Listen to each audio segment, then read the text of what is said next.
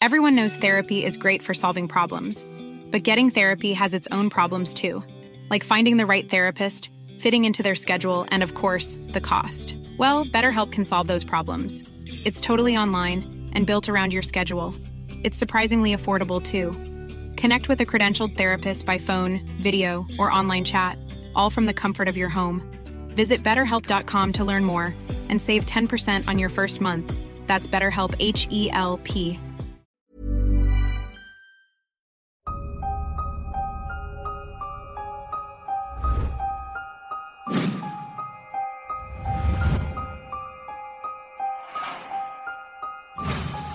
Pesugihan keluarga Ningrat episode 13 Dia datang lagi.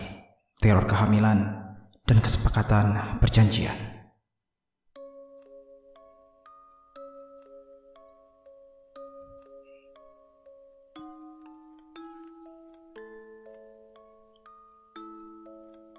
Kematian dari sesepuh di desa tersebut penuh dengan kebingungan para warga.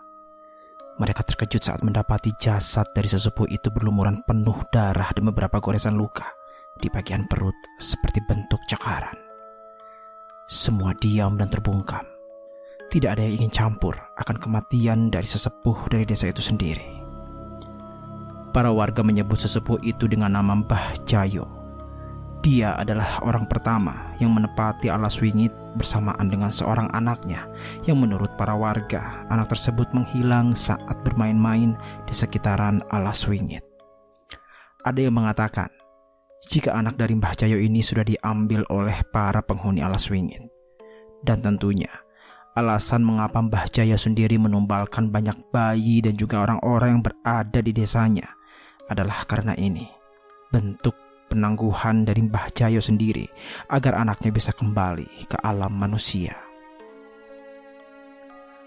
Kematian Mbah Jayo benar-benar diperlakukan tidak selayaknya manusia.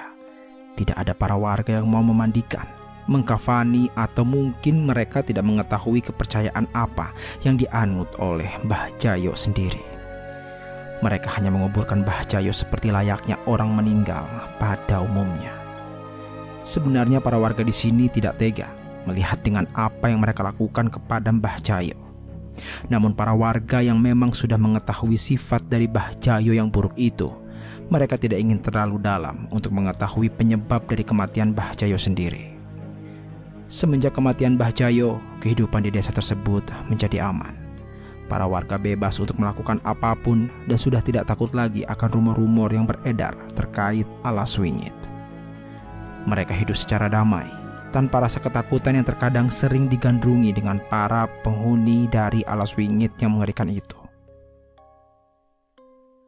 Dengan kedamaian sudah tercipta, akhirnya Bapak pun meminta kepada Raden Kuncoro beserta dengan yang lainnya untuk kembali ke desa itu. Awalnya mereka semua tidak setuju. Alasannya adalah karena desa tersebut sudah bukan lagi tempat yang sekiranya memberikan hak kehidupan yang selayaknya seperti apa yang mereka inginkan. Namun Bapak sendiri menjelaskan bahwa semenjak kematian dari Mbah Jayo, para warga sudah bisa menerima orang-orang luar untuk bermukim di desa tersebut. Semakin ditekan, ibu, Raden Kuncoro, dan istrinya semakin ragu. Mereka bertiga seperti tidak sepakat dengan keputusan tiba-tiba yang diambil oleh Bapak untuk kehidupan selanjutnya. Mungkin Bapak lupa terkait salah seorang di balik tragedi kematian Mbah Jayo. Ya, pria misterius itu. Dia belum diketahui keberadaannya semenjak kematian dari Mbah Cayo sendiri. Apa mungkin dia bersembunyi sejenak untuk mengatur ritme strategi yang tepat ketika nanti tiba waktunya? Bapak pun kembali menegaskan kepada ibu, Raden Kuncoro dan juga istrinya. Kita memang belum tahu siapa pelaku itu. Namun ada beberapa kemungkinan jika dia akan kembali ke desa tersebut. Jelas, Bapak. M maksud Mas Arto? Tanya Raden Kuncoro. Jika dia memang seorang warga dari desa tersebut, tentunya dia akan kesulitan. Karena desa tersebut semakin hari akan semakin banyak pendatang. Rumor dari alas wingi juga akan tenggelam dengan sendirinya.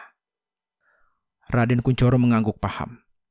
Ia mengerti apa yang dimaksudkan oleh Bapak terkait langkah-langkah yang bakal diambil oleh pria misterius tersebut setelah kematian Bah Cayo.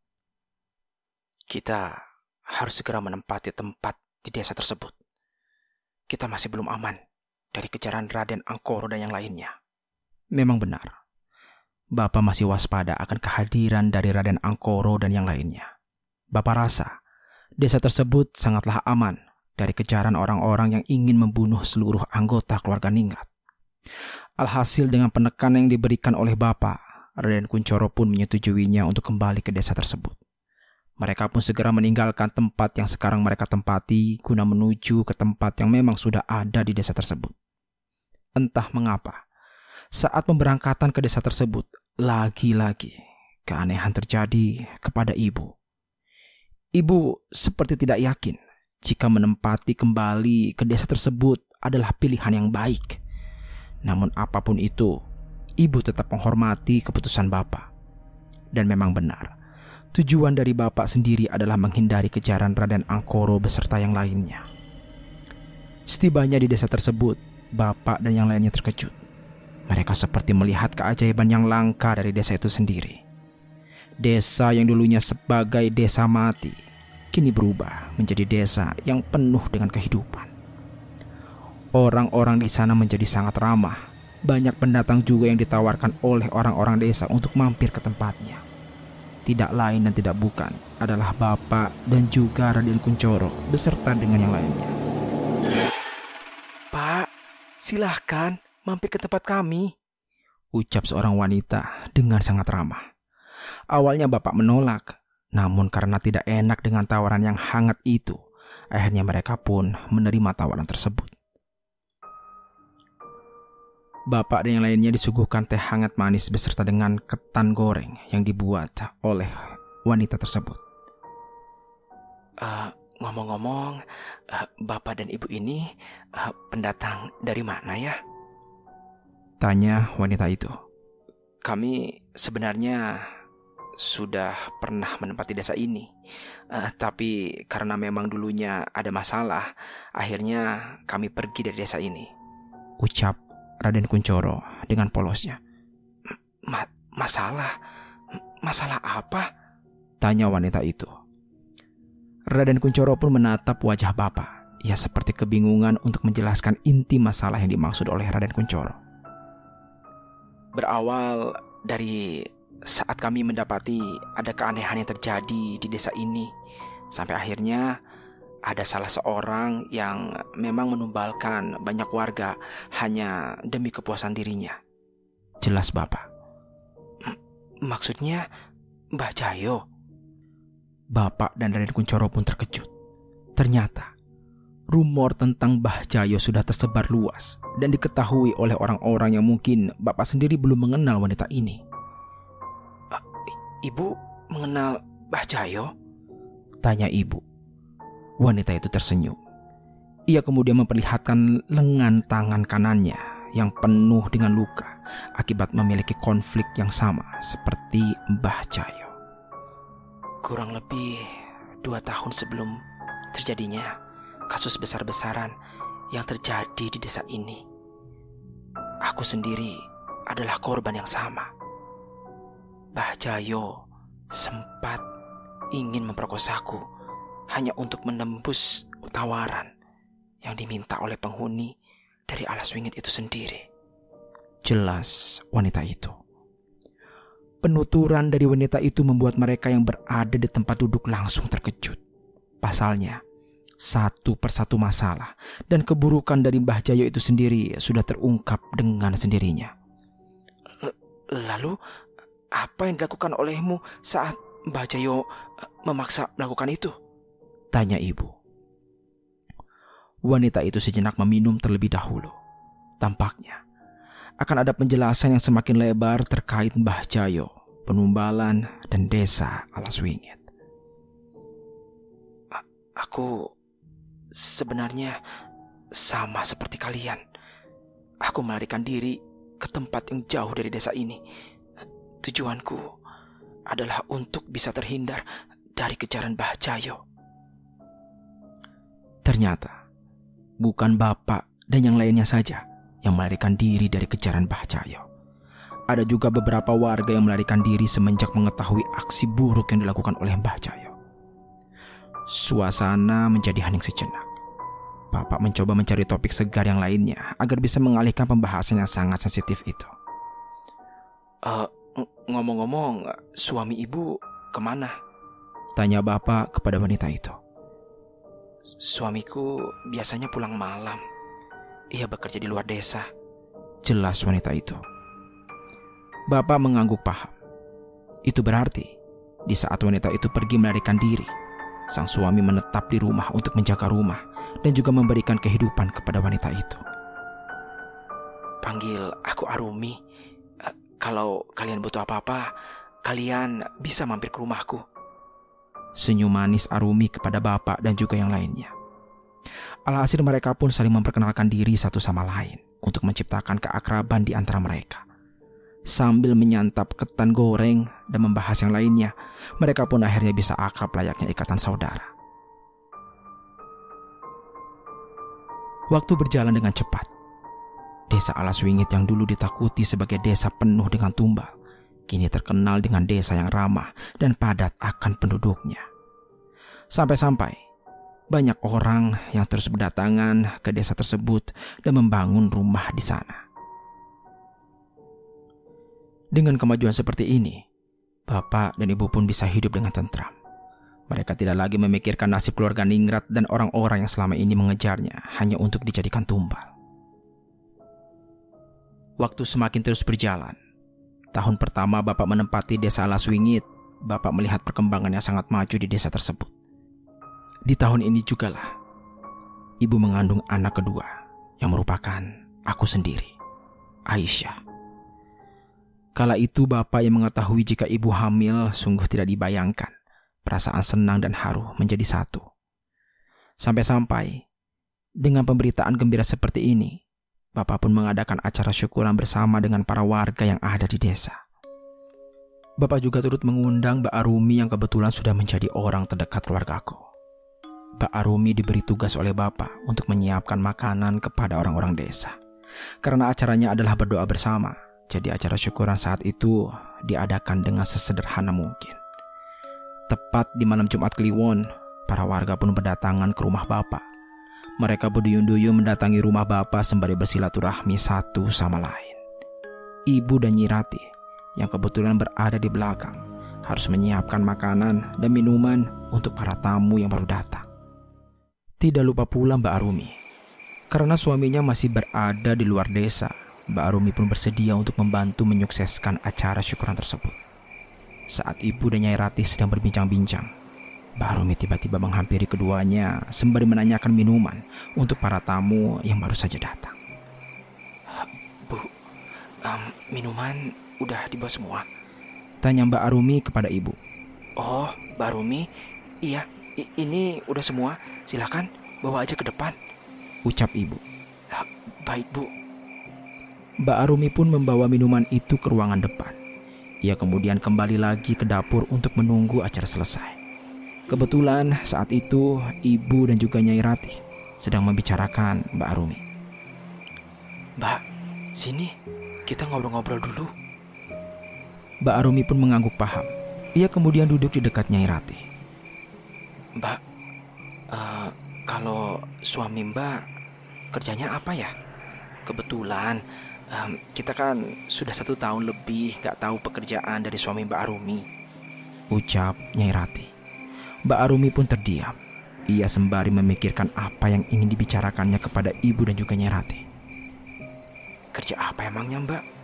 Tanya ibu sembari menekankan pertanyaan itu lagi. Mbak Arumi pun menghela nafas sejenak. Ia kemudian menatap ibu dan juga Nyai Ratih dengan tatapan yang penuh dengan kecemasan. Oh, sebenarnya suamiku sudah lama tidak kembali semenjak tragedi terbunuhnya Mbah Cahyo.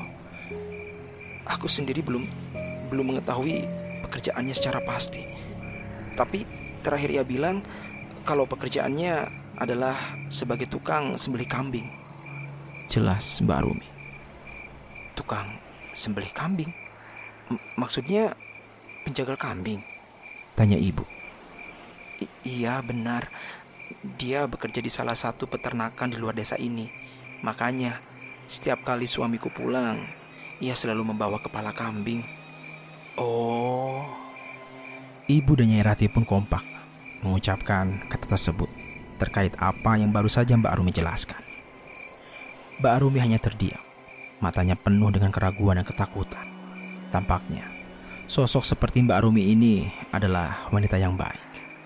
Ia rela menunggu satu tahun terakhir hanya untuk menunggu kedatangan suaminya yang katanya masih berada di luar desa dengan pekerjaan sebagai penjagal daging kambing. Setelah obrolan itu selesai, mereka pun segera membawa makanan dan minuman ke depan sembari meminta berdoa bersama agar selalu diberikan kelancaran dan kekuatan dalam menjalani kehidupan. Para warga yang sewaktu itu tergabung dalam silaturahmi antar satu sama lain akhirnya menjadi akrab dan lama-lama menjadi kompak. Sudah hampir jam 10 malam. Mbak Arumi belum tidur. Ia masih membereskan depan rumah ibu yang masih berserakan.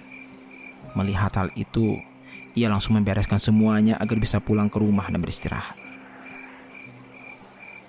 Selesai membereskan semuanya, Mbak Arumi izin pamit pulang ke rumah. Namun saat perjalanan pulang, Mbak Arumi mendengar sesuatu dari atas rumah ibu dan juga bapak. Seperti suara orang tertawa. Namun suaranya sangat lirih hingga membuat sekujur tubuh Mbak Arumi merinding seketika. Karena penasaran, Mbak Arumi pun menengok ke arah belakang saat dirinya melihat ke arah belakang. Dari atas rumah, terlihat seorang wanita dengan mengenakan pakaian berwarna merah dan wajahnya tertutup rambut sedang terduduk sembari memainkan kakinya. Pak Arum yang melihat itu pun langsung terkejut. Ia kemudian berteriak sekencang-kencangnya. Pak Arumi pun pingsan di tempat. Bersamaan dengan itu, Sosok wanita berbaju merah terbang ke arah hutan alas wingit sembari memakikan tawa yang sangat mengerikan. Ibu dan bapak yang kebetulan mendengar suara teriakan itu langsung keluar rumah. Ia terkejut saat melihat Mbak Arumi sudah terbujur kaku di tanah dengan wajah sedikit pucat. Mbak, Arumi kenapa? Tanya ibu. Bapak pun segera membawa Mbak Arumi masuk ke dalam rumah. Ia segera memanggil Nyirati dan juga Raden Kuncoro. Malam itu, mereka semua terkejut karena mendapati Mbak Arumi yang berteriak kencang lalu pingsan di tempat. Sembari menunggu Mbak Arumi siuman, ibu mengoleskan minyak penghangat tubuh ke dahi Mbak Arumi. Tidak lama kemudian, Mbak Arumi pun sadar. Namun ada yang aneh tepat di saat Mbak Arumi sudah sadarkan diri. Ia seperti orang ketakutan dan segera memeluk tubuh ibuku. Ada apa mbak? Tanya ibu. Bu, ada ada demit, Bu. Ucap Mbak Arumi. Demit? Di mana? Di di atas rumah ibu. Bapak dan Raden Kuncoro pun terkejut mendengar hal itu. Pasalnya, selama kematian Mbah Jayo, tidak ada lagi teror-teror yang mengerikan yang menyerang warga desa ini. Apa ciri-cirinya? Tanya Bapak. Mbak Arumi pun mencoba menenangkan diri. Ia kemudian menghela nafas panjang dan minum terdahulu agar bisa bercerita dengan jelas kepada Bapak. Dia dia menggunakan pakaian serba merah. Rambutnya panjang hingga menutupi wajahnya. Lalu dia tertawa sembari memainkan kakinya. Sosok yang barusan diceritakan oleh Mbak Arumi merupakan sosok yang sama seperti saat di mana Bapak dan juga Raden Kuncoro mengetahuinya di hutan alas wingit. Tampaknya ada seseorang yang sengaja mengundang sosok itu ke rumahnya. Namun yang menjadi pertanyaan, mengapa sosok itu baru muncul sekarang setelah satu tahun lamanya tidak pernah terlihat? Dan yang anehnya lagi, mengapa hanya ibu saja yang diteror oleh sosok tersebut? Bapak mencoba untuk menenangkan keadaan.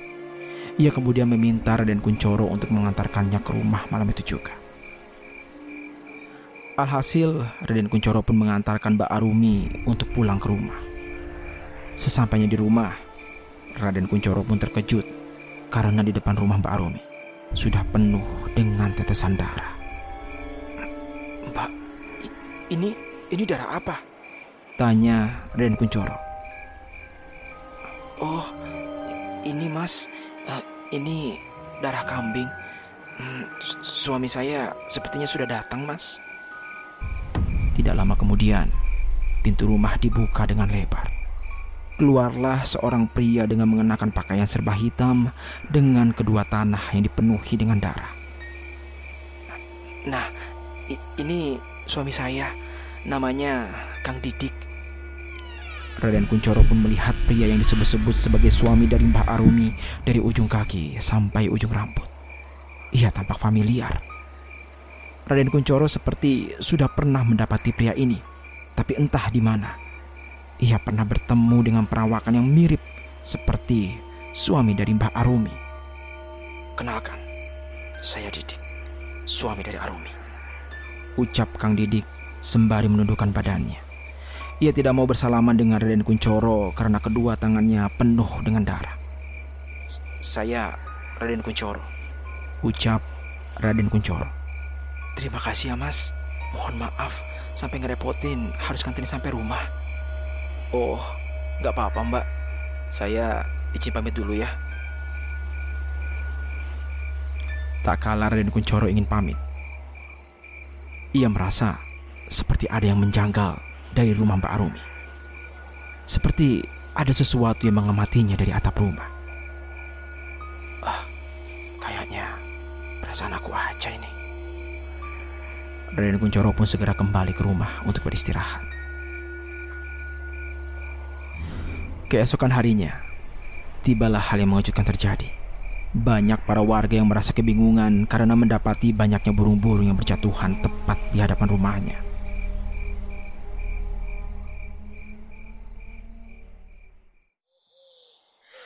Keesokan harinya, tibalah hal yang mengejutkan terjadi.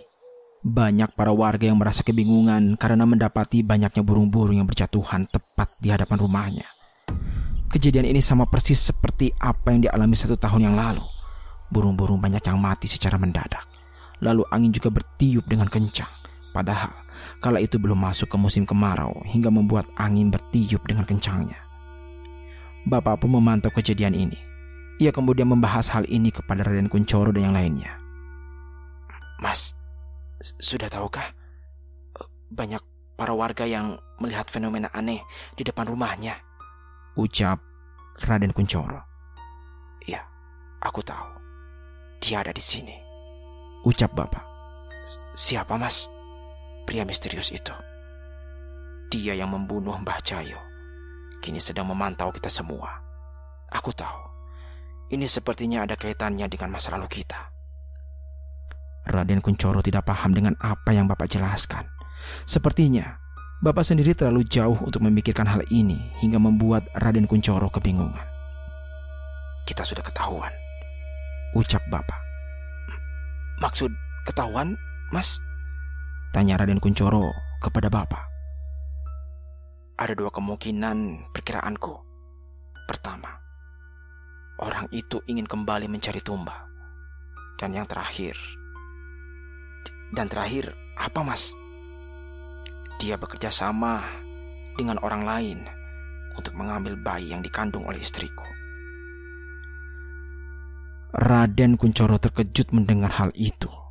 Bagaimana mungkin pikiran bapak sejauh itu hingga membuat dirinya gelagapan dan kebingungan dibuat opininya. Tapi Pak, kenapa Bapak bisa tahu kalau ada orang lain yang ikut campur dalam kejadian ini? Tanya ibu saat menyodorkan kopi untuk Bapak dan juga Raden Kuncoro. Bapak terdiam sejenak. Ia kemudian mengamati para warga yang masih kebingungan dengan kemunculan burung-burung yang mati secara mendadak. Sebelumnya, ada banyak para warga juga yang mengandung bayi. Namun anehnya, mereka tidak diteror. Coba pikirkan kenapa momennya sangat pas ketika terjadi kepada kita. Ibu dan Raden Kuncoro pun paham dengan hal itu. Mereka kemudian mengangguk paham. Semua yang dikatakan bapak ada benarnya juga. Mengapa hanya ketika tak kala ibu hamil, kejadian aneh terulang kembali? Bersamaan dengan itu, Mbak Arumi bersama dengan seorang pria asing berjalan menuju ke rumahnya. Bapak yang pertama kali melihat pria tersebut tampak tidak asing. sangat familiar dan seperti pernah bertemu dengannya. Namun entah di mana pertemuan itu berlangsung. Assalamualaikum. Kenalin, ini suami saya, namanya Kang Didik. Ia baru saja pulang dari urusannya. Waalaikumsalam.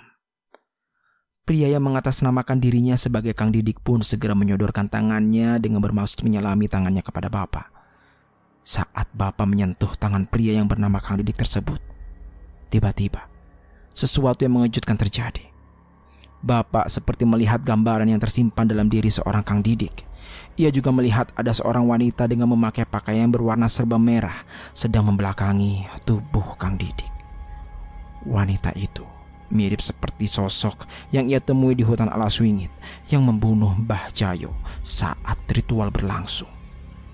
Tidak berselang lama, wanita itu menengok ke arah Bapak sembari mengucapkan sesuatu kepada Bapak. Anakmu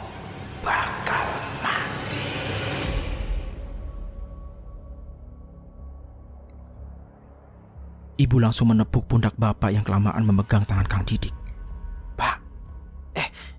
Iya bu, astagfirullahaladzim. Bapak pun segera melepaskan tangannya dan langsung meminta maaf kepada Kang Didik atas perbuatan yang tidak nyaman. Uh, maaf ya Kang, Mbak. Uh, mungkin Mas Arto kurang istirahat dari semalam. Oh iya, silakan duduk dulu. Anehnya, rasanya ada yang tidak beres dengan Kang Didik.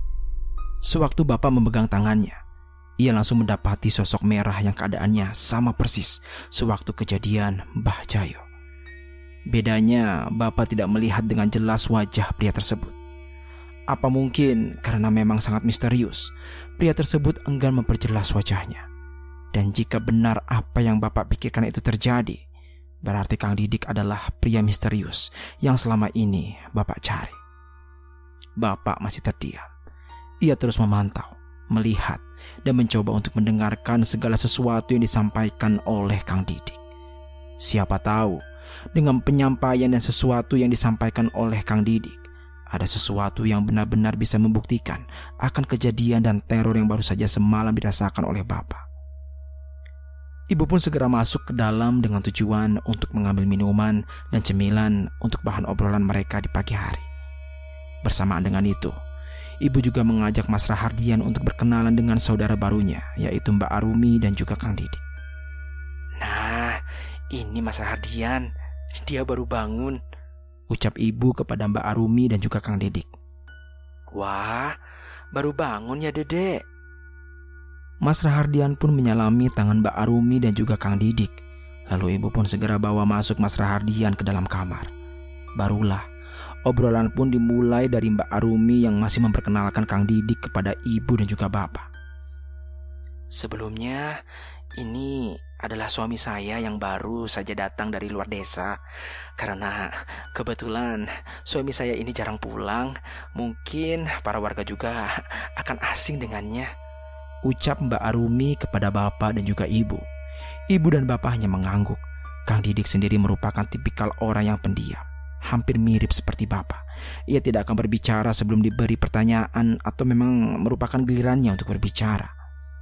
Setelah mengobrol panjang lebar mengenai pekerjaan Kang Didik dan yang lain sebagainya, Bapak pun sedikit agak rancu dengan soal pekerjaan yang memang sedang dikerjakan oleh Kang Didik di luar desa Alaswingi tersebut. Hmm, maaf, kalau boleh bertanya, berarti Kang Didik ini bertugas sebagai tukang sembeli kambing di luar desa? Tanya bapak. Benar pak, ucap Mbak Rumi. Kang Didik hanya tersenyum. Ia belum mengucapkan sepatah kata pun kepada bapak. Pikir bapak, Kang Didik mampu menjawab pertanyaan yang baru saja bapak lontarkan kepadanya. Selain itu juga, Kadang Kang Didik membantu perkembangan desa ini dengan bekerja sama dengan orang-orang luar dalam masalah pembangunan desa Alas Swingit ini. Jelas Mbak Rumi. Bapak dan Ibu pun mengangguk paham. Memang benar, Kang Didik sendiri sudah memiliki jasa yang luar biasa kepada perkembangan desa Alas Swingit. Salah satunya adalah pembangunan dari musola dan bangunan-bangunan strategis lainnya yang sangat dibutuhkan oleh para warga sekitar. Setelah mereka mengobrol banyak hal, akhirnya Mbak Arumi dan Kang Didik pun izin pamit. Namun saat sebelum pamit, Kang Didik pun membisiki telinga Mbak Arumi terkait sesuatu yang ingin ia sampaikan kepada ibu dan juga bapak. Uh, bu, kata Kang Didik, hati-hati ya. Soalnya bayi yang dikandung ibu saat ini sangat istimewa. Jadi takutnya banyak yang ganggu. Ucap Mbak Arumi kepada ibu. Setelah mengucapkan kalimat tersebut, Mbak Arumi dan juga Kang Didik pun pamit untuk pulang ke rumah. Ibu yang mendengar kalimat menakutkan itu hanya bisa memegangi perutnya sembari membaca doa. Ia sadar bahwa bayi yang ada di dalam kandungannya bukanlah bayi biasa. Bapak sempat terkejut saat Kang Didik ingin mengatakan hal itu, namun lewat bisikan kepada Mbak Arumi. Apakah selama obrolan itu berlangsung, Kang Didik selalu memperhatikan perut ibu? Atau memang ada sesuatu yang sudah dulu diketahui oleh Kang Didik sampai-sampai ia mengetahui kalau ibu hamil? Padahal mungkin saja Mbak Arumi memberitahu. Tapi jika Mbak Arumi memberitahu Kang Didik, itu artinya ada keterkaitan antara Mbak Arumi dan juga Kang Didik terhadap kehamilan ibu. Bapak tidak tenang dengan perkataan yang baru saja dilontarkan oleh Kang Didik lewat Mbak Arumi. Menurut Bapak, pemberitahuan itu terlalu berlebihan hingga membuat ibu menjadi syok dan ketakutan. Selain itu juga ada keanehan yang membuat Bapak yakin jika pria misterius itu sendiri adalah Kang Didik. Dari segala pembahasan yang baru saja dibahas saat obrolan berlangsung, Kang Didik tidak mengatakan sepatah kata apa pun. Ia bahkan hanya tersenyum, mengangguk, dan memejamkan matanya. Itu menandakan sifat misteriusnya tertanam langsung kepada diri Kang Didik untuk memberikan penggambaran terkait siapa yang berperan dalam kejadian di masa lalu saat Mbah Jayo meninggal dunia. Bu, Ibu ngerasa ada yang janggal nggak sama Kang Didik? Dan kenapa Kang Didik tahu kalau Ibu hamil? Apakah jangan-jangan dia juga telah mempersiapkan ini semua? Jelas Bapak. Mempersiapkan apa pak? Tanya ibu. Desa ini sebenarnya belum terlepas dari kutukan masa lalu selama orang-orang yang memang memegang kunci dari sangkar burung desa ini melepaskannya begitu saja. Namun aku rasa Kang Didik bukanlah orang di balik ini semua. Ada seseorang yang mungkin saja menjadi pion terpenting dari kutukan ini. Bapak terus berpikir keras. Ia terus memikirkan siapa pelaku dari orang-orang yang sering melakukan sebuah ritual untuk mengambil bayi yang berada di dalam kandungan wanita hamil. Belum ada jawaban pasti yang bisa mengungkapkan semua teka-teki yang berada di dalamnya. Bapak hanya bisa bersabar sembari melindungi ibu dari kejahatan orang-orang yang ingin mencelakainya. Hingga suatu malam, saat semua sedang tertidur, ada suara aneh yang berasal dari atap rumah hingga membuat ibu terbangun. Ibu pun penasaran dengan suara itu. Ia pun kemudian keluar dari kamar untuk mengecek luaran rumah yang ditakutkannya adalah maling yang bisa saja ingin menjebol rumahnya. Namun baru saja ibu ingin membuka pintu depan rumah. Tiba-tiba, bulu kuduk yang merasa merinding dengan hebat. Ibu merasa ada sesuatu yang sedang menatapnya dari arah belakang. Saat ibu membalikkan tubuhnya dan menengok arah belakang, ia tidak melihat apa pun yang ada di sana. Karena merasa takut, ibu pun kembali ke kamar. Namun belum juga dirinya masuk ke dalam kamar. Tiba-tiba ada sebuah tangan yang menepuk pundaknya. Saat ibu melihat bagian tangan yang menepuk pundaknya, ia terkejut sekaligus panik karena tangan yang menepuk pundaknya itu bukanlah tangan manusia. Perlahan, Tangan itu menekan kencang pundak ibu hingga ibu merasa kesakitan yang luar biasa. Allah, Allah Akbar. Hanya itu yang bisa diucapkan oleh ibu. Setidaknya, dengan menyebut kalimat itu, ibu merasa terlindungi dan gangguan dari makhluk itu perlahan terlepas dengan sendirinya. Akan tetapi efek yang diberikan kepada makhluk itu kepada ibu sangatlah besar. Tubuh ibu langsung melemas, tidak berdaya dan perutnya seperti ditusuk-tusuk oleh sesuatu. Ibu hanya bisa memegangi perutnya agar bisa menahan rasa sakit itu. Ia juga memanggil-manggil nama Bapak beberapa kali. Pak. Pak. Bapak. Sembari merangkak ke arah kamar, ibu merasa ada yang tidak beres dengan perutnya. Ibu takut bayi yang masih di dalam kandungannya keguguran karena hal itu. Bapak. Bapak tolong ibu, Pak. Ucap ibu dengan suara yang kencang. Bapak yang mendengar teriakan ibu barusan langsung terbangun. Ia terkejut saat melihat ibu sedang merangkak memasuki kamar sembari memegangi perut. Ah, As Astagfirullahalazim. Bapak pun segera mengangkat ibu ke kasur. Ia menanyakan apa yang baru saja terjadi. Ibu masih merintih kesakitan. Mas Rahadian yang semula tertidur kini terbangun saat mengetahui ibu merintih kesakitan sembari memegangi perutnya. Bapak pun segera pergi ke dapur. Ia mengambil air minum dan membacakan bacaan doa ke dalam air minum sembari membawa baskom yang berisi air juga. Bapak tahu ada yang tidak beres dengan perut ibu. Bu, minum ini. Namun ibu seperti tidak bisa melakukan apa-apa selain memegangi perutnya secara terus-menerus. Bapak pun merasa khawatir dengan keadaan ibu. Ia pun kemudian memaksa ibu untuk meminumnya sembari memegangi bagian leher ibu agar tidak jatuh ke belakang. Baca bismillah, Bu. Setelah ibu meminum air itu, kedua tangannya langsung melemas. Ia tidak lagi memegangi perutnya dengan kedua tangannya. Namun tidak lama kemudian, ibu merasa mual. Ia merasa ada yang akan keluar dari mulutnya.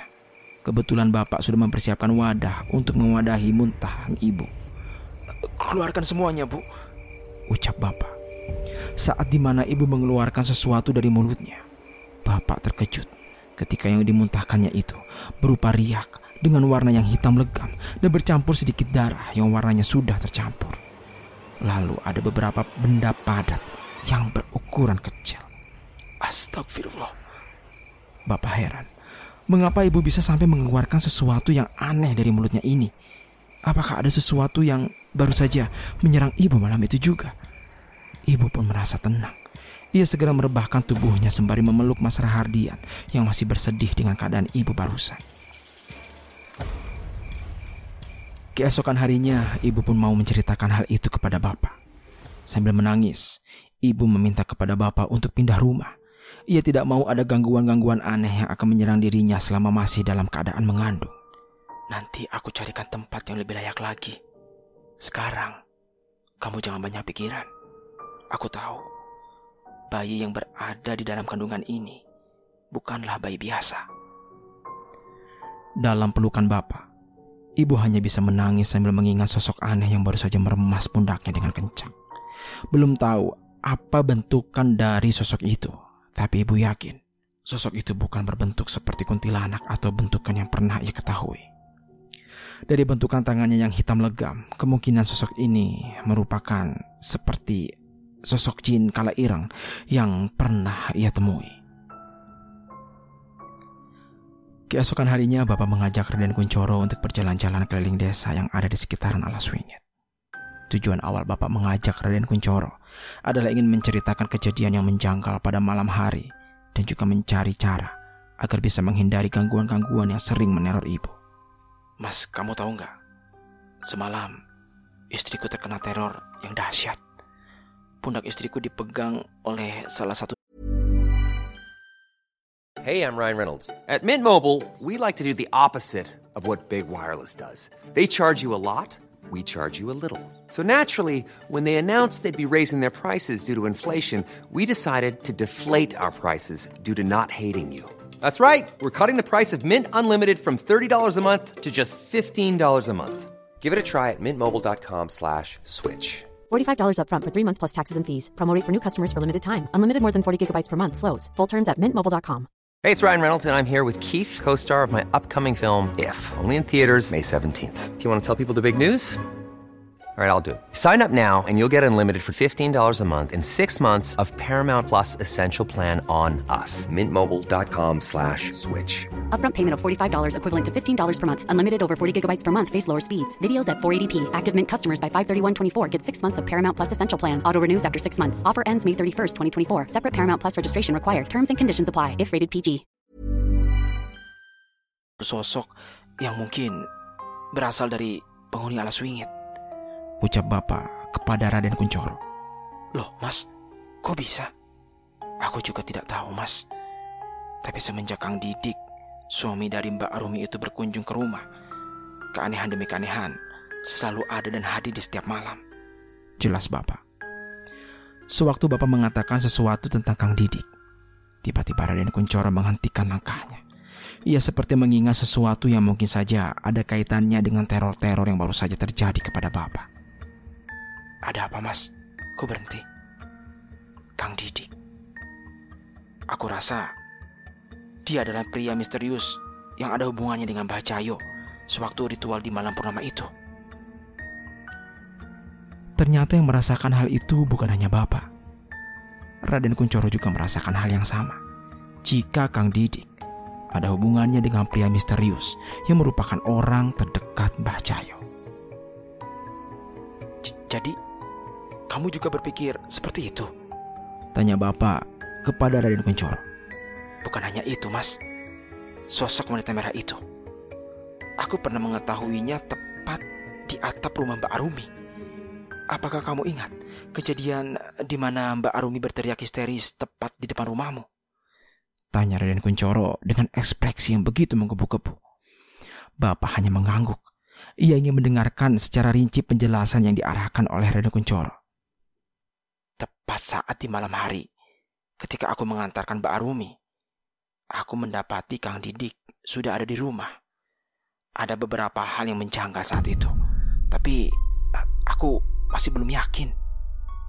Apa? Katakan saja.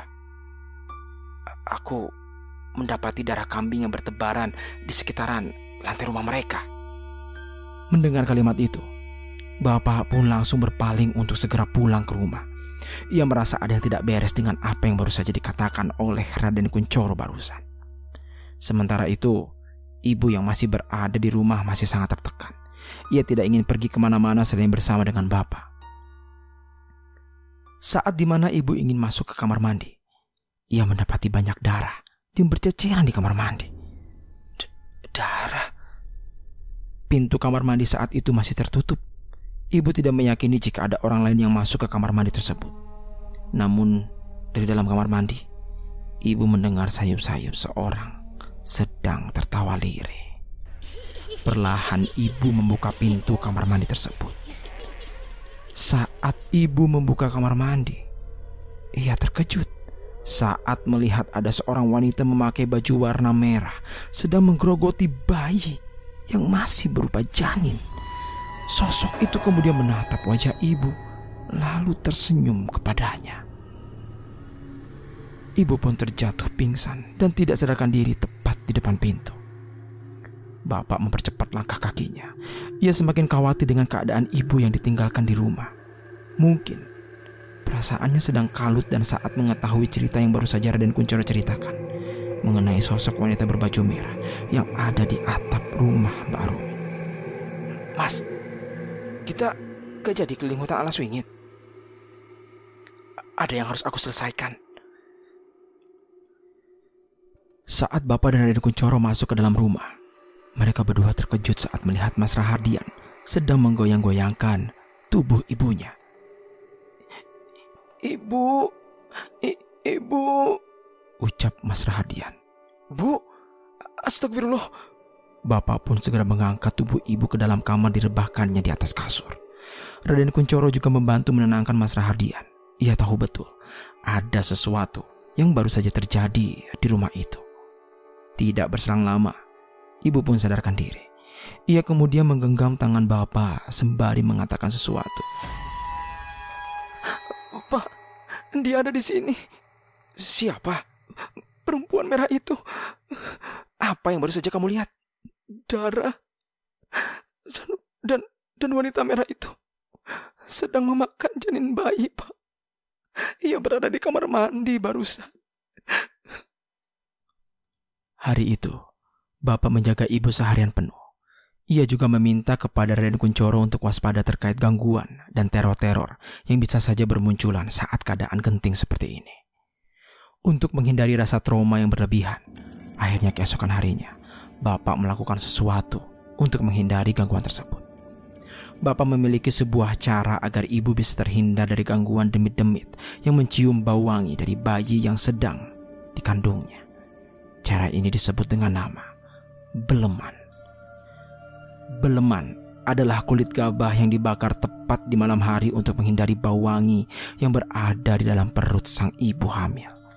Tujuannya adalah agar si ibu hamil tidak diganggu oleh gangguan-gangguan yang berada di sekitarannya. Dengan membakar beleman, Bapak berharap ibu tidak diganggu lagi oleh gangguan semacam itu. Lalu tepat jam 10 malam, beleman tersebut dibakar di beberapa titik. Titik pertama berada di depan rumah. Titik ini yang paling rawan dan sering sekali mendapatkan gangguan-gangguan aneh dari luaran rumah. Sosok yang berada di depan rumah ini adalah sosok wanita yang sedang memegang bayi. Lalu, berganti ke titik berikutnya yang berada di belakang rumah. Di titik ini, Bapak sangat meyakini adanya makhluk penunggu yang bisa saja mengganggu ibu ketika malam hari tiba. Lalu yang terakhir berada di bagian kanan rumahnya. Lokasi ini sangat begitu sensitif karena letaknya yang dekat dengan pepohonan dan menghadap hutan alas wingit. Oleh karena itu, ketiga beleman diletakkan di ketiga titik yang berbeda dan disesuaikan dengan energinya masing-masing. Setelah beleman itu diletakkan, mereka semua merasakan eksistensi yang berada di sekitaran. Dari depan rumah, Bapak melihat ada seorang wanita dengan menggunakan kain berwarna putih sedang bertengger di pepohonan sambil mengarahkan sebuah benda yang berada di tangan kanannya. Benda itu diyakini sebagai bayi yang sedang ditimang-timang oleh sosok tersebut. Sosok itu menggoyang-goyangkan benda yang berada di tangannya, lalu mengeluarkan suara yang mengerikan, seperti orang marah karena tidak bisa mencium bauan wangi yang berasal dari perut milik ibu berlanjut yang kedua yang berasal dari bagian kanan rumahnya. Bapak melihat sosok nenek-nenek yang menggunakan gaun berwarna hitam sedang mencakar-cakar ke bagian tanah. Sosok itu juga merasa kesal karena tidak bisa mencium bau wangi bayi yang sedang berada di dalam perut ibu. Alhasil, ia pun mencakar-cakar tanah sebagai bentuk kekesalan dirinya terhadap apa yang sudah dilakukan oleh bapak dan terakhir yang berada di bagian belakang rumah. Dari belakang rumah, Bapak mendengar suara teriakan demi teriakan yang mengerikan, lalu disusul oleh kedoran pintu yang dilakukan oleh sosok-sosok yang berada di belakang rumah. Ternyata, para penghuni dari hutan alas wingit telah mengincar bayi yang dikandung oleh ibu. Itu menandakan ada seseorang yang sengaja menggerakkan mereka, seperti halnya kejadian dua tahun silam saat ada pasangan suami istri yang diteror oleh seluruh sosok dari hutan alas wingit hingga bayi yang berada di kandungan ibunya meninggal dunia. Bukan hanya hal itu. Keduanya juga didapati tewas secara mengenaskan dengan kematian yang tidak wajar. Berkaitan dengan penghuni alas wingit, mereka semua marah karena aroma wangi bayi yang berada di perut ibu menjadi hilang saat beleman itu dibakar secara menyebar. Selain itu mereka juga mencari cara agar bisa mencium aroma wangi bayi tersebut. Namun hal itu hanya sia-sia dan tidak pernah mereka ketahui aroma bayi yang sebenarnya. Dengan dibakarnya beleman tersebut, akhirnya ibu terhindar dari gangguan-gangguan yang berada di sekitaran rumahnya. Akan tetapi, hal ini akan terjadi hanya saat fase-fase tertentu. Beleman yang bertujuan untuk menghilangkan wangi bayi yang berada di dalam kandungan harus dibakar hingga usia kehamilan ibu menuju tujuh bulan. Namun di bulan pertama saat ibu sedang hamil, gangguan demi gangguan yang mengerikan sudah sangat terasa. Apalagi mereka yang berdatangan ke rumah bukan hanya satu atau dua sosok, melainkan lebih dari 20 sosok yang berasal dari alas wingit terus berdatangan ke rumah. Berkali-kali ibu merasa ketakutan karena hal-hal yang menjanggal juga terus-menerus meneror ibu. Ini harus diselesaikan. Ucap bapak. Bapak yakin Kaitannya dengan sosok wanita merah dan juga para sosok yang berasal dari alas wingit itu dikarenakan kedatangan misterius dari Kang Didik. Jika itu dibenarkan, maka bisa jadi Kang Didik adalah pelaku dari teror yang melanda ibu selama berhari-hari ini. Bapak terus membakar beleman di tiap malam hari. Ia ingin tahu apa yang akan dilakukan oleh pelaku dari teror ini ketika Bapak menggunakan perisai khusus untuk mencegah bayi yang ada dalam kandungan ibu tidak diambil oleh sosok wanita merah yang kerap kali mencuri janin dari ibu hamil. Tepat jam 2 pagi, Bapak masih memperhatikan sekitaran. Bapak tidak ingin sedikit pun kecolongan.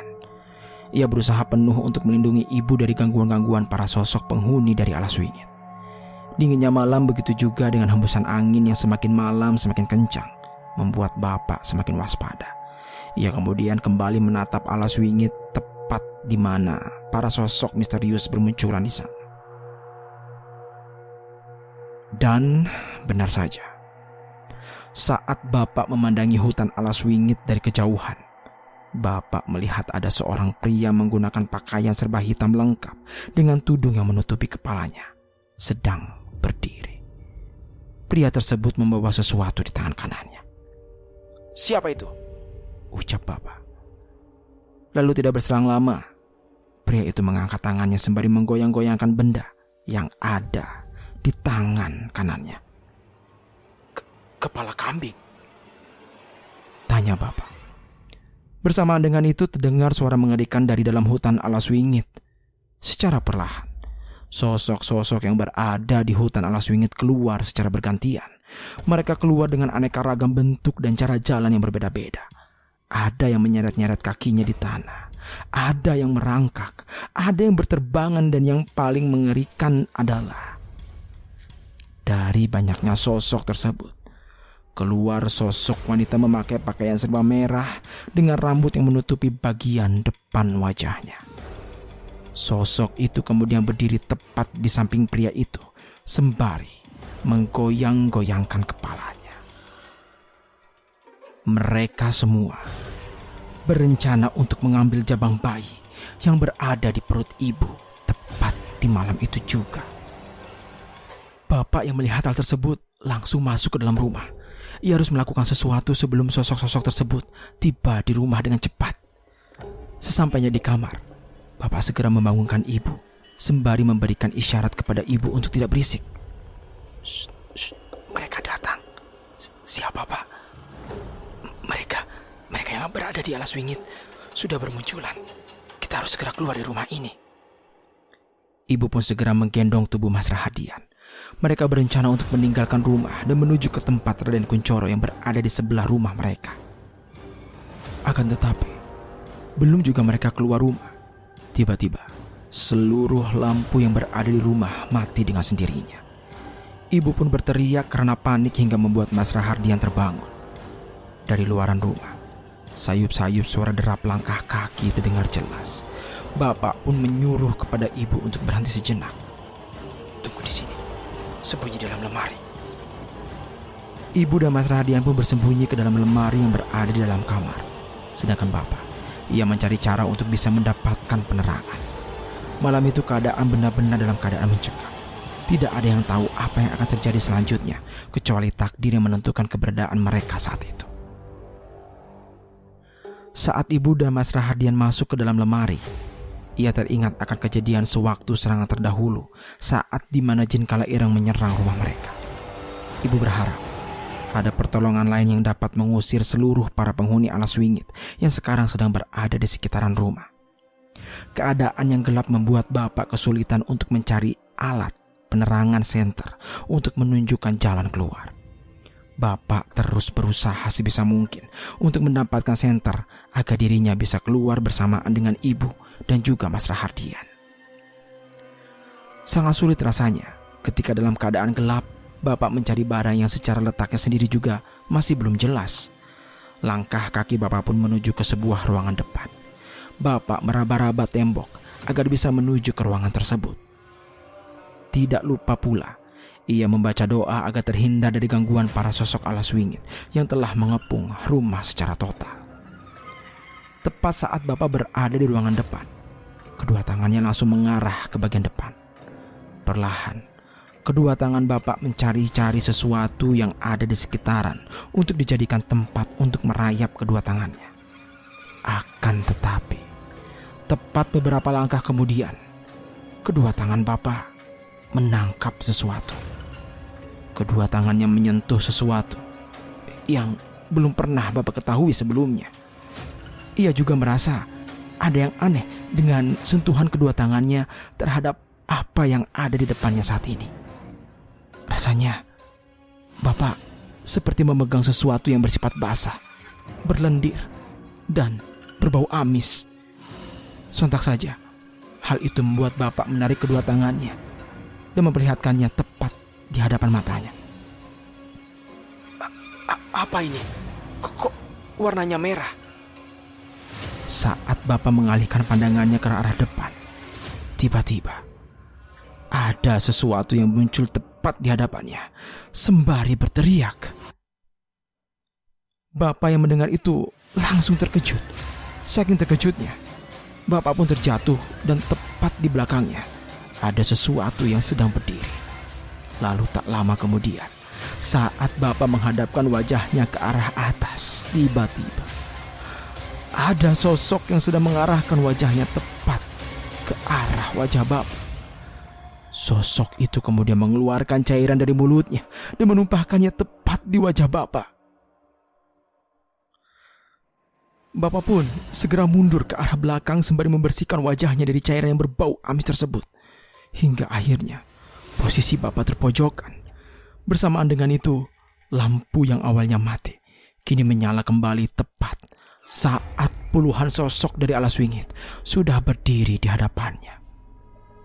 Mereka semua menundukkan kepalanya dan melonggarkan barisan bagian tengah seperti mempersilahkan seseorang berjalan menuju ke arah Bapak. Tidak.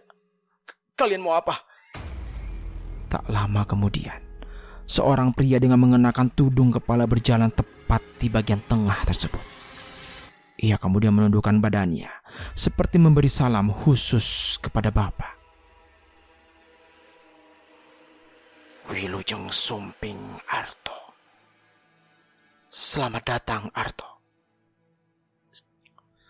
Siapa kau? Kau tidak akan pernah mengenaliku. Namun aku sangat mengenalimu. Selamat datang di desa kami. Kamu sudah mengerti kan? Mengapa aku membawa para demit yang berasal dari alas wingit itu? Ucap pria misterius itu. Bapak hanya terdiam. Tubuhnya bergetar hebat saat pria tersebut mengetahui namanya. Mungkinkah memang pria tersebut sudah mengetahui namanya atau memang ada orang lain yang memberitahu nama Bapak kepada pria misterius tersebut? Aku akan memberitahu terkait kedatanganku malam ini. Rasanya kita sudah pernah bertemu sebelumnya kan? Tanya pria misterius itu. Apa maksudmu? Menurutmu, apakah reuni kedua kita akan sangat berkesan? Atau ada reuni-reuni lainnya yang nantinya akan membuat kita semakin erat untuk bertemu? Bapak masih belum mengerti maksud dari pria misterius tersebut. Dari suaranya, Bapak tidak mengenali siapa pria tersebut. Kematian Bah Jayo adalah petaka awal dari desa ini.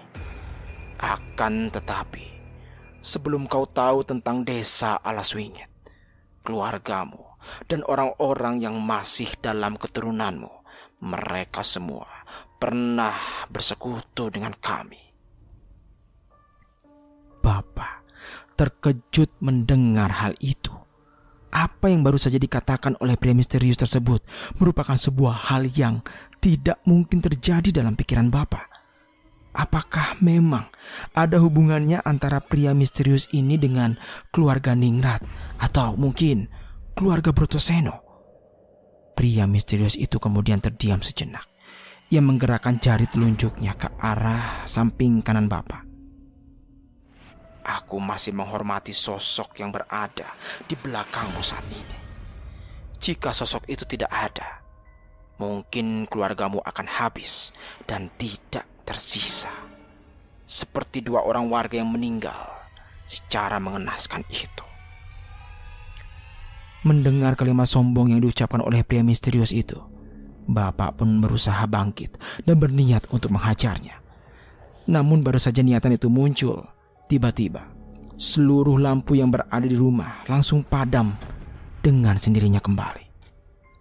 Aku mengetahui apa yang kau pikirkan dalam hati dan pikiranmu. Sesuatu yang kau ingin sampaikan dan belum terucap. Itu bagaikan suara angin yang berhembus di telingaku. Tiba-tiba, tubuh bapak merinding seketika ia baru mendapati manusia yang memiliki sebuah ilmu kanuragan yang bahkan tingkatannya melebihi Kang Waris.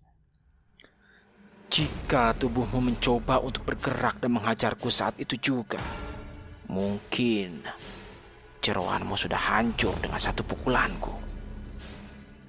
Bapak hanya bisa terdiam dan tidak bisa berkata apa-apa. Ia terkejut saat mendengar apa yang baru saja pria misterius itu katakan. Jadi inikah keilmu yang dimiliki oleh pria misterius itu sampai-sampai dirinya mampu membunuh Mbah Jayo dan menggerakkan seluruh demit alas wingit. Benar-benar mengerikan. Ini sudah bukan level manusia lagi. Menurut Bapak, tingkatan ini sudah termasuk tingkatan penyatuan antara dirinya dengan ilmu kanuragan yang mungkin dipelajari olehnya. Mungkin bukan hanya itu saja.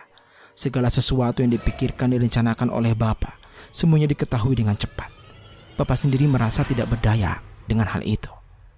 Untungnya, pria misterius tersebut mengatakan terhadap sesuatu yang berada di belakang Bapak. Itu artinya, ada sesuatu yang memang saat ini sedang menjaga dan melindungi Bapak. Tidak lama kemudian, muncullah sebuah kabut sebagai tanda kepergian mereka.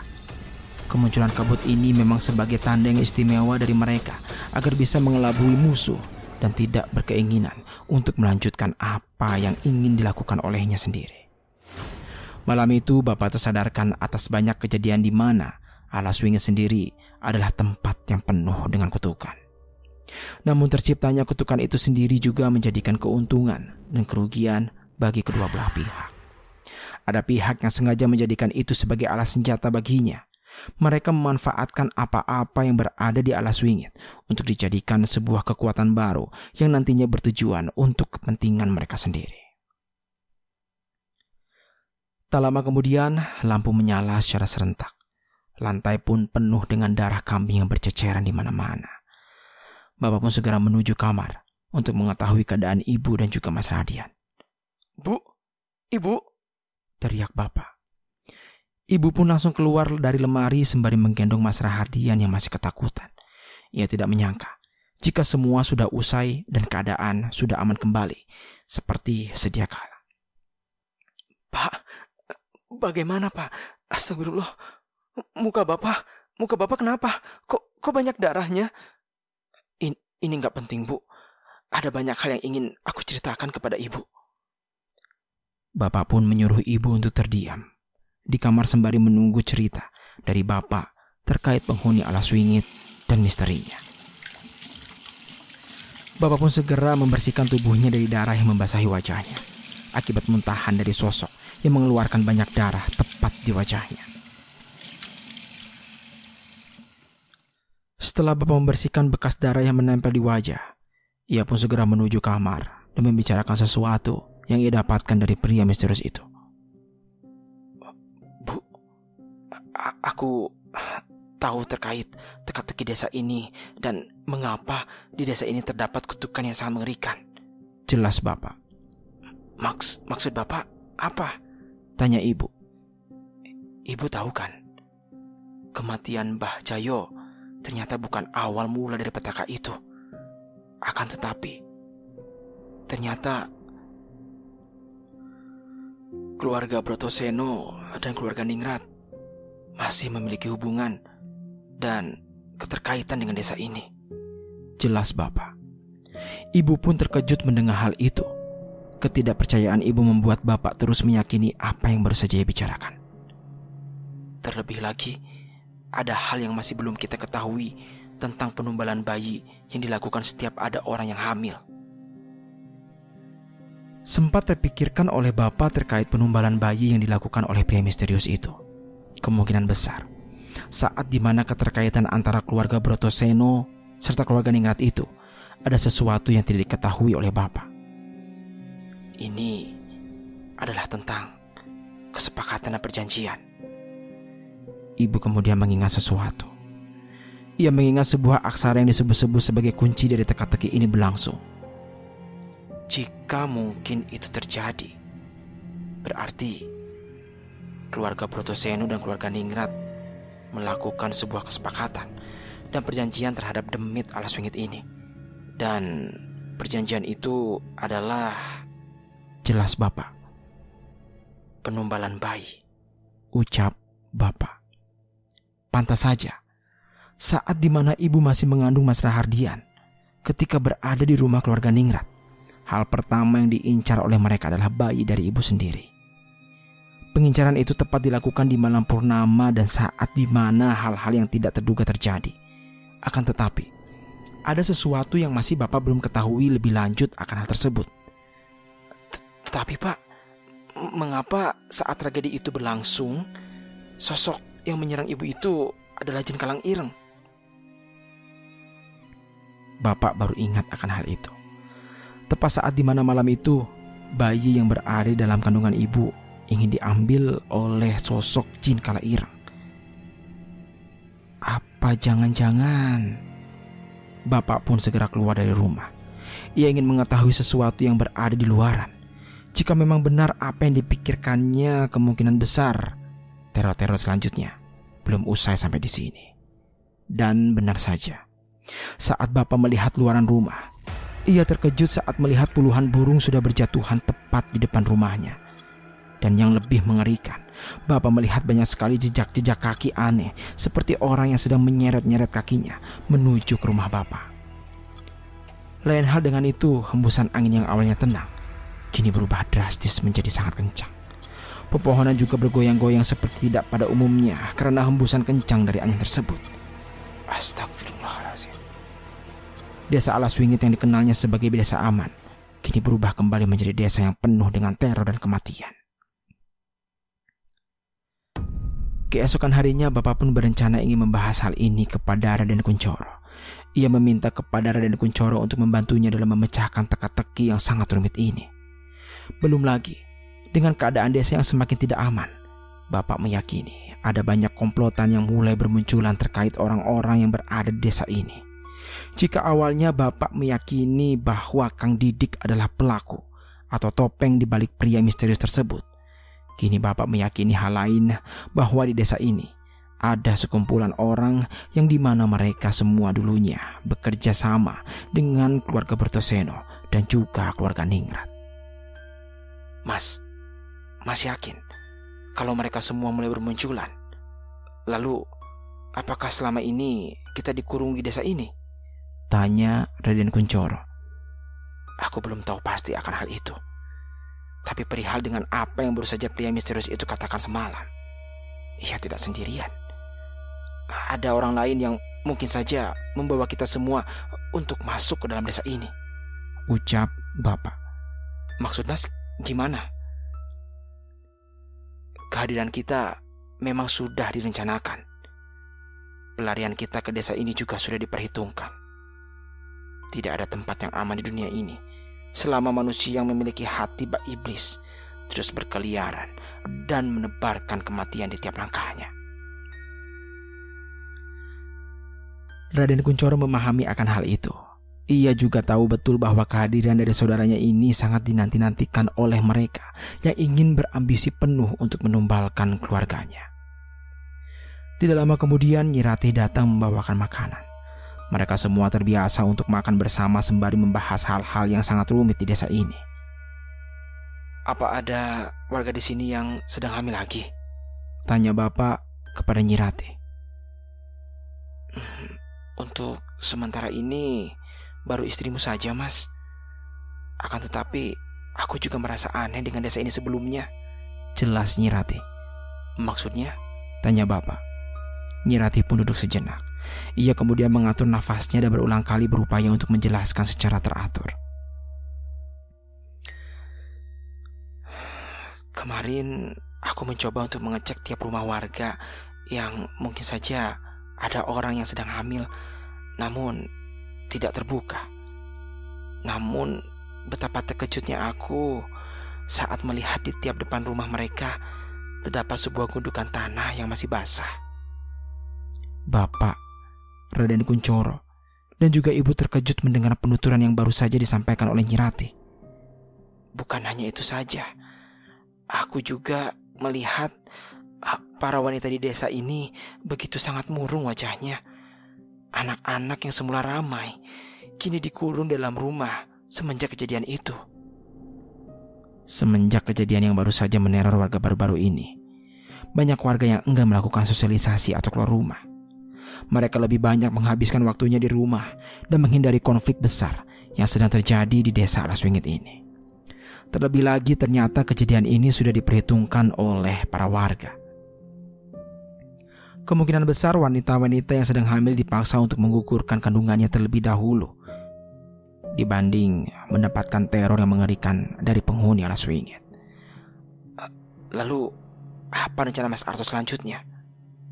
Bapak hanya terdiam. Ia belum memiliki rencana terkait menghentikan teror ini. Bapak sendiri masih belum yakin jika urusan ini diselesaikan dengan dirinya sendiri. Ia mungkin membutuhkan seseorang sekelas Kang Waris untuk bisa memberikan solusi terkait konflik yang sedang dihadapinya. Kita bukan menghadapi satu atau dua orang biasa. Kita menghadapi komplotan orang-orang yang memiliki kekanuragan irang. Mereka yang memiliki kanuragan irang pasti ada hubungannya juga dengan keluarga Protoseno dan keluarga Ningrat. Mereka semua mengangguk paham. Apa yang baru saja Bapak katakan adalah sebuah fakta yang selama ini tertutupi.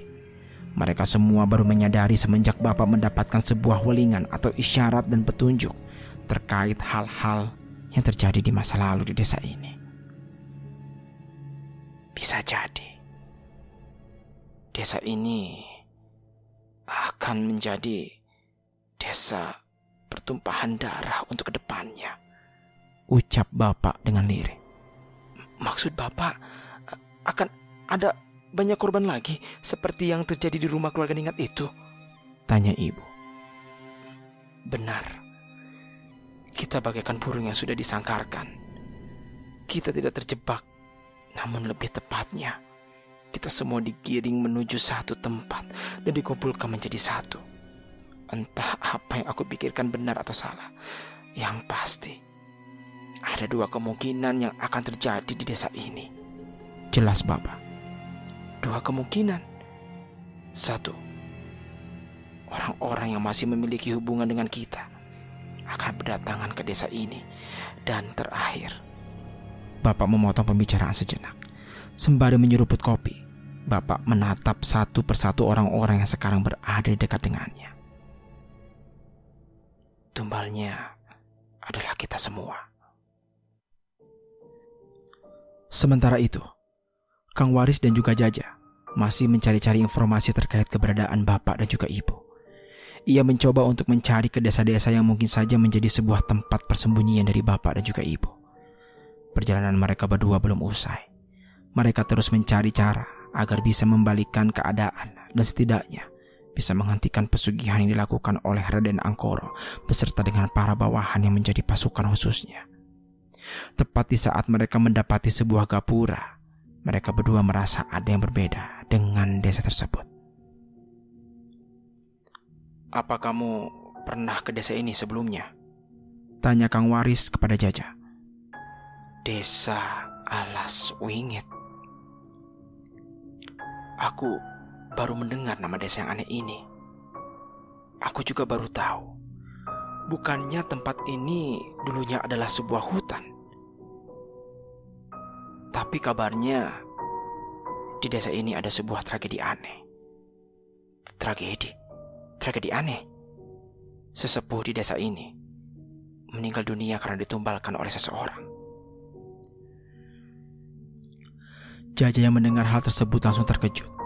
Ia baru tahu pemberitaan semacam itu yang mana seharusnya. Pemberitaan semacam ini adalah sebuah aib terbesar bagi desa dan juga warganya. Dari kejauhan Kang Waris melihat ada seorang wanita yang sedang mampir ke sebuah warung. Kang Waris berencana untuk menanyakan terkait desa ini kepada wanita tersebut. Siapa tahu, ia bisa mendapatkan informasi lebih dari wanita tersebut. Assalamualaikum. Sapa Kang Waris kepada wanita tersebut. Kang Waris pun langsung menanyakan terkait desa yang baru saja ia singgahi. Kalau boleh tahu, siapa sesepuh di desa Laswingit ini? Tanya Kang Waris. Sebelumnya, kisah ini siapa? Tanya wanita itu kepada Kang Waris dan juga Jaja. Perkenalkan, aku Waris. Aku datang dari perkotaan dan sengaja datang jauh-jauh ke desa ini untuk mencari seseorang yang mungkin saja menetap di desa ini. Saya Arumi, warga desa ini. Ucap Mbak Arumi dengan ramah dan murah senyum. Dan ini Jaja. Ia sudah saya anggap sebagai saudara saya sendiri. Kami berdua ingin menanyakan seseorang yang mungkin saja dia ada di sini. Ucap Kang Waris. Seseorang? Siapa memangnya, Kang? Tanya Mbak Arumi. Kang Waris diam sejenak. Ia lebih dulu menengok ke kanan ke kiri sekitarannya. Jangan sampai apa yang baru saja ia katakan akan menjadi sebuah petaka baginya. Raden Artonegoro. Mbak Arumi terkejut mendengar nama itu. Ia kemudian memperhatikan lagi tubuh Kang Waris dari bawah sampai atas. Keterkejutan Mbak Arumi pun membuat Kang Waris keheranan. Mungkin Mbak Arumi mengenali orang yang baru saja Kang Waris katakan. Kenapa mbak? Apakah kau mengenalinya? Kisana ini siapanya Raden Artonegoro? Tanya Mbak Arumi. Aku saudaranya juga. Tidak lama kemudian Mbak Arumi tersenyum lebar. Ia seperti menyimpan sesuatu yang hanya dirinya sendiri tahu akan apa yang memang sudah terbesit di dalam hatinya. Aku tahu warga yang bernama Raden Artonegoro itu. Mau kuantarkan sekarang? Tawar Mbak Arumi. Oh, iya, boleh. Jawab Kang Waris. Akhirnya Mbak Arumi pun mengantarkan Kang Waris dan juga Jaja untuk menuju ke rumah Raden Artonegoro. Akan tetapi, dari kejauhan ada lima orang yang sedang berdiri tepat di depan kapura desa tersebut. Rencana kita berhasil. Ucap salah satu di antara kelima orang tersebut. Jaja seperti merasa aneh dengan sesuatu yang berada di belakangnya. Ia seperti merasakan kehadiran banyak orang yang sedang memantaunya dari kejauhan. Perlahan, Jaja pun menengok ke arah belakang tepat di pintu masuk ke pura desa tersebut. Akan tetapi, saat Jaja menengok ke arah sana, ia tidak menemukan seseorang pun yang berada di depan desa Gapura tersebut. Oh, mungkin ini perasaanku saja. Desa Alaswingit akan menjadi desa yang menentukan dua ranah sekaligus awal mula dari konflik besar yang mengarahkan ke banyak pihak mereka yang berada di desa ini akan dituntut untuk menentukan dua pilihan. Podcast Branding Story.